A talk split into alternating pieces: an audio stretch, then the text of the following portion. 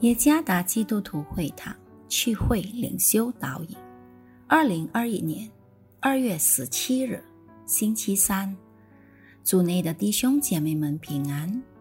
今天的灵修导引，我们将会借着圣经创世纪第四章第一到十六节来思想今天的主题：愤怒熄灭爱。作者古发起牧师。创世纪第四章第一节，有一日，那人和他妻子夏娃同房，夏娃就怀孕，生了该隐，就是得的意思，便说：“耶和华使我得了一个男子。”又生了该隐的兄弟亚伯，亚伯是牧羊的，该隐是种地的。有一日。该隐拿地里的出产为公物献给耶和华，亚伯也将他羊群中头生的和羊的脂油献上。耶和华看中了亚伯和他的供物，只是看不中该隐和他的供物。该隐就大大的发怒，变了脸色。耶和华对该隐说：“你为什么发怒呢？”你为什么变了脸色呢？你若行得好，岂不蒙约纳？你若行得不好，罪就伏在门前，他必恋慕你，你却要制服他。该隐与他兄弟亚伯说话，二人正在田间。该隐起来打他兄弟亚伯，把他杀了。耶和华对该隐说。你兄弟亚伯在哪里？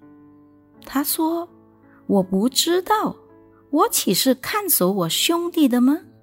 耶和华说：“你做了什么事呢？你兄弟的血有声音从地里向我哀告，地开了口，从你手里接受你兄弟的血。现在你必从这地受诅咒，你种地。”地不再给你效力，你必流离飘荡在地上。该隐对耶和华说：“我的刑罚太重，过于我所能当的。你如今赶逐我离开这地，以致不见你面，我必流离飘荡在地上。凡遇见我的，必杀我。”耶和华对他说。凡杀该隐的，必遭报七倍。耶和华就给该隐立一个记号，免得人遇见他就杀他。于是该隐离开耶和华的面，去住在异殿东边挪得之地。有谁不知道《愤怒的小鸟》这个电子游戏呢？它是一家游戏公司 Rovio 娱乐出品的电子游戏系列，主要面向智能手机和平板电脑。根据一些消息来源，这个游戏系列下载量达到二十五亿次了。为何会有那么多爱好者呢？是否很多人都处在愤怒中呢？该隐对亚伯大大的发怒。其实亚伯不应该受到该隐的愤怒。亚伯做错了什么？问题不是出在上帝看不中该隐和他的共物吗？第五节。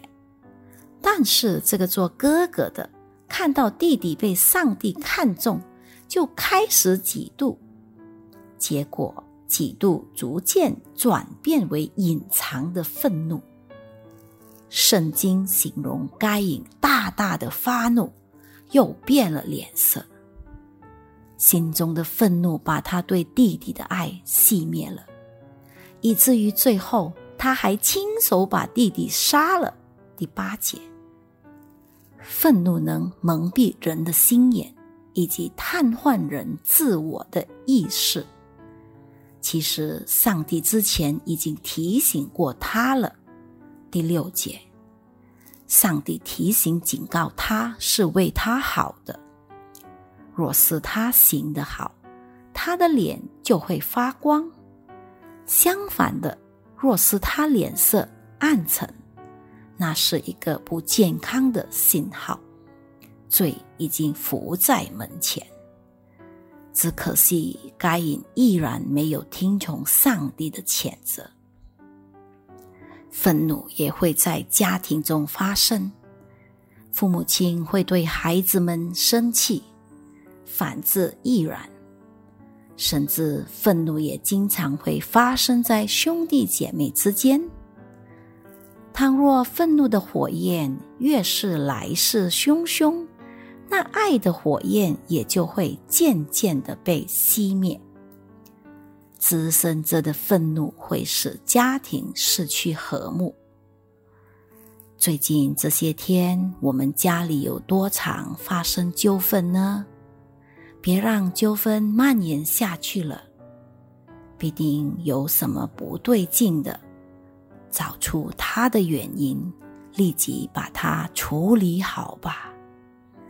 愤怒将会熄灭家庭里爱的火焰。愿上帝赐福于大家。